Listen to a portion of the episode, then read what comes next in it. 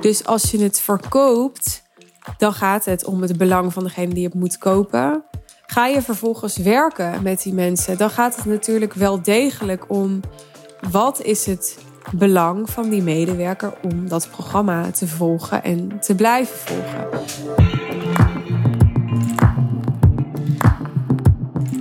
Een klant vroeg mij om een aflevering op te nemen over hoe je nou als ondernemer een high-end aanbod aanbiedt aan een werkgever, terwijl het uiteindelijk de werknemers zijn of de teamleden zijn die dat programma gaan volgen.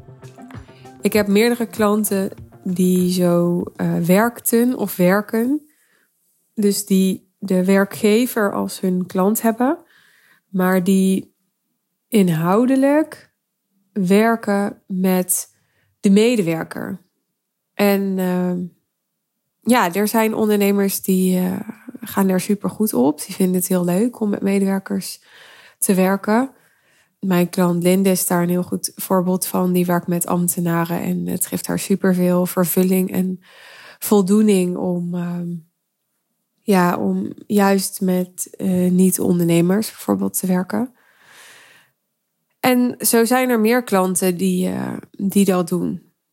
Nou, les 1 is focus je in je marketing en salesactiviteiten op de beslisser, op degene die de portemonnee trekt en het geld uitgeeft. Dus ook al werk je met de medewerker, praat tegen de werkgever. Of praat tegen de HR-manager. Of praat tegen de marketingmanager aan wie je dan ook maar verkoopt. Wie dan ook maar het uh, budget, het potje beheert. Dat wil zeggen dat het belangrijk is dat je ook van die mensen hun taal leert spreken. En dat je van die mensen hun belangen leert kennen, hun vraagstukken snapt. Die zijn heel anders dan die van hun teamleden of hun medewerkers. Dus um, de HR-manager die heeft bijvoorbeeld als belang om het verloop tegen te gaan.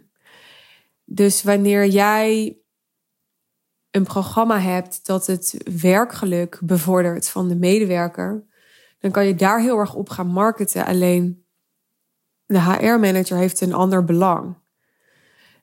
Natuurlijk vindt hij het leuk om te horen als hun medewerkers aangeven dat ze plezier hebben in hun werk en geluk en voldoening ervaren uh, in het bedrijf waar ze werken. Alleen die HR-manager die wordt er uiteindelijk op afgerekend dat hij de juiste mensen aanneemt, dat die mensen blijven, dat die mensen niet uitvallen, dat die mensen productief zijn, dat die mensen goed samenwerken met elkaar. Dus dat zijn de belangen van die HR-manager, niet zozeer het werkgeluk. En het werkgeluk is wel een middel om die belangen te realiseren van die HR-manager. Maar het is echt een, een ander probleem en een ander verlangen dat die HR-manager heeft dan dat die medewerkers hebben. Dus dit is les 1 en de belangrijkste. Focus echt op de beslisser en zorg dat, ook al werk je dus niet in jouw programma met die HR-manager, dat je wel precies weet wat maakt dat het een no-brainer is voor die persoon om te investeren in jouw programma. Wat ik verder wel eens hoor van ondernemers die uh, dus met een andere groep, met een andere doelgroep werken dan waaraan ze verkopen, is dat de mensen die niet zelf investeren in dat programma niet altijd optimaal gemotiveerd zijn of gecommitteerd zijn. Want zij zijn niet degene die de pijn voelen van de investering. Dat voelt hun leidinggevende bijvoorbeeld. Hoe ga je daar dan mee om als je het gevoel hebt dat je met um, ongemotiveerde medewerkers zit die heel makkelijk niet opkomen dagen misschien? Of die heel makkelijk uh, er met de pet naar gooien? Of die heel makkelijk um, bezwaren opwerpen of met excuses komen om iets daadwerkelijk te gaan doen. Nou, dan heb je weer de switch te maken naar wat is het belang van die medewerker. Dus als je het verkoopt, dan gaat het om het belang van degene die het moet kopen. Ga je vervolgens werken met die mensen, dan gaat het natuurlijk wel degelijk om wat is het belang van die medewerker om dat programma te volgen en te blijven volgen.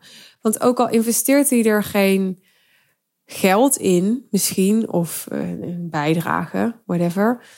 Hij of zij moet er wel uh, tijd in investeren. En daar zijn medewerkers over het algemeen niet per definitie dol op. stel, die werken in de regel van 9 tot 5 of 9 tot 6. En ze hebben het al heel druk en ze krijgen al heel veel mails en ze moeten al heel veel naar meetings. En er wordt al aan alle kanten aan ze getrokken en ze voelen al een hoge werkdruk. En natuurlijk staan ze er dan niet om te springen om er nog iets bij te nemen. Zelfs als jij daar aan alle kanten de voordelen van hen uh, voorziet. Ja, maar jij bent hen niet. jij voelt weer niet, behalve als je je heel goed in hen verplaatst, wat ik je uiteraard aanraad om te doen. Uh, hun pijn en hun ongemak. Van dat ze nu al wellicht niet weten hoe ze het allemaal moeten bolwerken. Dus probeer in hun schoenen te gaan staan. En uh, te zien wat hun belemmeringen zijn om te doen wat er voor nodig is om resultaat te halen met jouw programma. En help ze daarbij. Geef je daar handvatten voor. Dus stel, ze zijn te druk en hun agenda is te vol.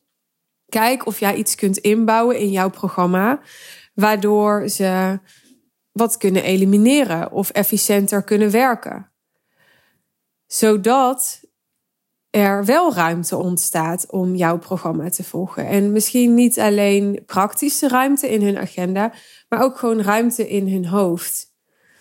Ja, dat is belangrijk, dat er, dat er het space is om nieuwe kennis uh, tot zich te kunnen nemen, om uh, gedragsveranderingen eigen te kunnen maken. Nou, dan de derde les of het derde advies dat ik je mee wil geven is um, zorg dat die werkgever, die leidinggevende of die teammanager of wie het dan ook is aan wie je verkoopt, dat die betrokken blijft. Maakt die eigenlijk deelgenoot van het probleem? Houdt die deelgenoot van het probleem? die mensen die kunnen nog wel eens de neiging hebben om te denken: oké, ik leg een smak geld op tafel, dan is het jouw probleem dat die medewerkers allemaal niet functioneren. Los het maar op.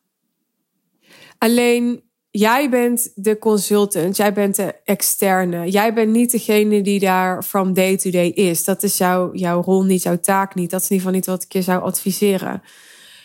En die teammanager, die leidinggevende wel. En dat betekent twee dingen. Dat betekent dat die op ja, mede zal moeten waarborgen dat mensen er accountable voor gehouden worden. Dat dat wat ze met jou doen of bij jou leren, dat ze dat ook op dagelijkse basis daadwerkelijk implementeren en volhouden. Maar dat betekent ook dat er waarschijnlijk wat moet veranderen in het voorbeeld en het gedrag van die persoon zelf. goed voorbeeld doet goed volgen. Dus het is te makkelijk om te zeggen, ja, zij moeten veranderen. Nee, er moet bij die leidinggevende, bij die manager vaak iets mee. Dus um, kijk ook wat je inbouwt in het programma waarbij ze bijvoorbeeld met elkaar een training doen. Of hè, zorg dat die, diegene die het van jou gekocht heeft, dat die betrokken blijft bij wat er daadwerkelijk gebeurt.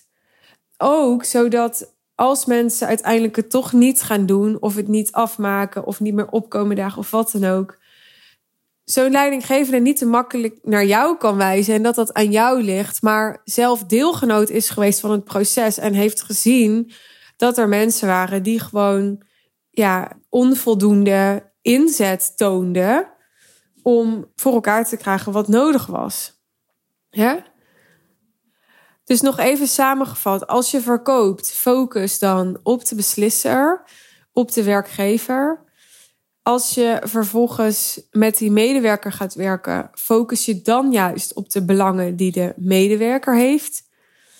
Maar dat was nummer drie. Zorg ervoor dat bij het inhoudelijke proces ook die werkgever betrokken blijft. En liefst doe je dat op zo'n manier dat dat dat voldoende is, dat die voldoenheid betrokken is. Maar dat het weer niet heel veel tijd vraagt van zo'n manager. Want als je je goed verplaatst hebt in de belangen van die manager, dan heeft hij heel veel op zijn bordje en dan zit hij niet te wachten op ja, iets wat ook hem of haar weer veel extra tijd kost. Maar het is een illusie om te denken dat er helemaal geen tijd in geïnvesteerd hoeft te worden. Nou, zo is hier nog veel meer over te leren, maar ik denk dat, uh, dat dit al een hele belangrijke, zinvolle basis is. En heel relevant als jij een business hebt uh, waarin je hiermee te maken hebt of waarin je hiervoor kiest. Ik wens je heel veel succes en uh, vergeet niet, wil je mijn persoonlijke begeleiding bij dit soort vraagstukken, boek dan je call over ons business traject Real Deal via de show notes. We gaan graag met je in gesprek. Hele mooie dag, avond of nacht voor nu en tot de volgende aflevering. Bye bye.